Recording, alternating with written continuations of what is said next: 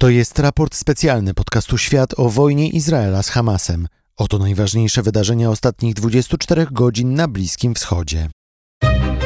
To jest podcast Świat. Zaprasza Wojciech Cegielski, korespondent zagraniczny Polskiego Radia.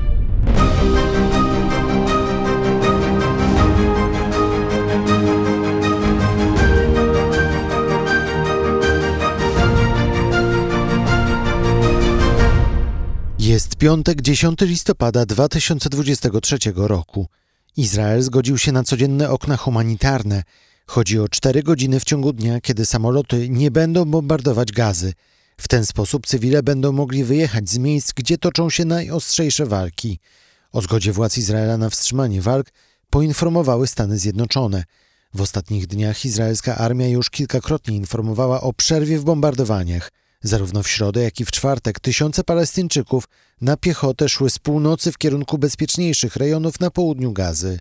Na północy Gazy trwają naloty, a intensywne walki lądowe toczą się w centralnej części Gazy, czyli w Gaza City. Izraelska armia informowała, że do starć dochodzi w okolicach szpitali Al-Quds i Al-Shifa. Pod budynkiem tego drugiego szpitala Hamas ma swoje główne podziemne centra dowodzenia.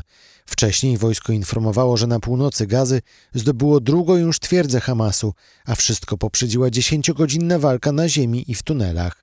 Trwające od miesiąca izraelskie naloty oraz rozpoczęta dwa tygodnie temu operacja lądowa w Gazie to odwet za napaść Hamasu na izraelskich cywilów z 7 października.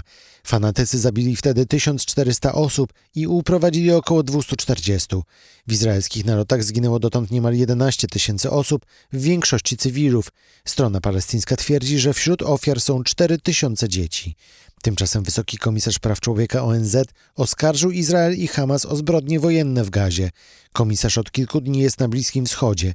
W Egipcie Volker Türk powiedział dziennikarzom, że nie ma wątpliwości, iż Hamas popełnił 7 października zbrodnie wojenne.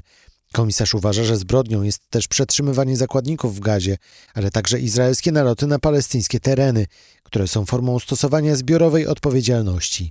Palestyński Islamski Dżihad, inna fanatyczna organizacja współrządząca gazą, opublikowała wideo z dwójką izraelskich zakładników.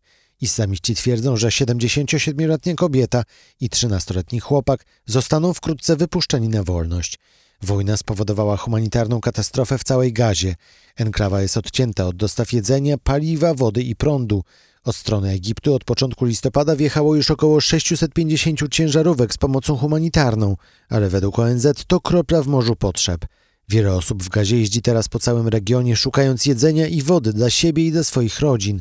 Tysiące osób koczują na ulicach południowych miast, takich jak Rafa czy Han Yunis.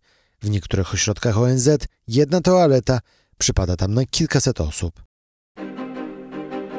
Nasze specjalne raporty na temat wojny w gazie ukazują się rano na Spotify, a codziennie o 18 na Instagramie i na YouTube podcast Świat możecie zobaczyć najważniejszy światowy news dnia. Do usłyszenia.